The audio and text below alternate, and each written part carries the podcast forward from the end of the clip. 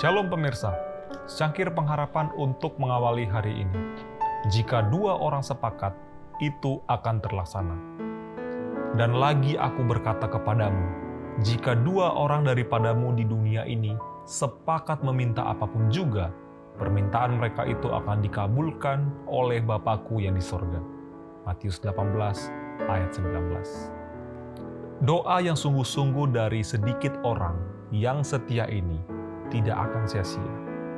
Ketika Tuhan tampil sebagai pembalas, dia juga akan datang sebagai pelindung bagi semua orang yang telah memelihara iman dalam kemurniannya dan menjaga diri mereka tidak ternoda dari dunia.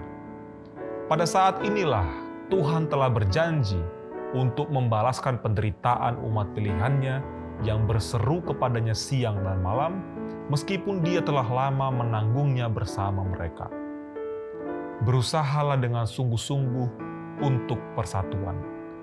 Berdoa untuk itu, bekerjalah untuk itu.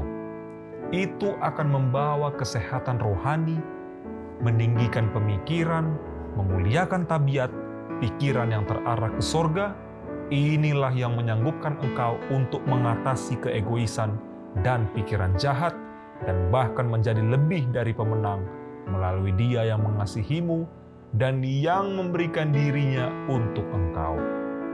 Salibkanlah diri, hargai orang lain lebih baik dari dirimu sendiri. Dengan demikian, engkau akan dibawa ke dalam kesatuan dengan Kristus. Di hadapan alam semesta sorgawi dan di hadapan gereja dan dunia, engkau akan membuktikan bukti yang tidak salah lagi bahwa kamu adalah anak-anak Allah. Tuhan akan dimuliakan dalam teladan yang engkau berikan. Dunia perlu melihat mujizat yang mengikat hati umat Tuhan dalam kasih Kristen itu berhasil.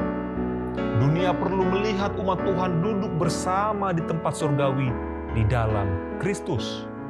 Tuhan memanggil umatnya yang setia yang percaya kepadanya untuk berbicara tentang kebenaran kepada mereka yang tidak percaya dan yang putus asa.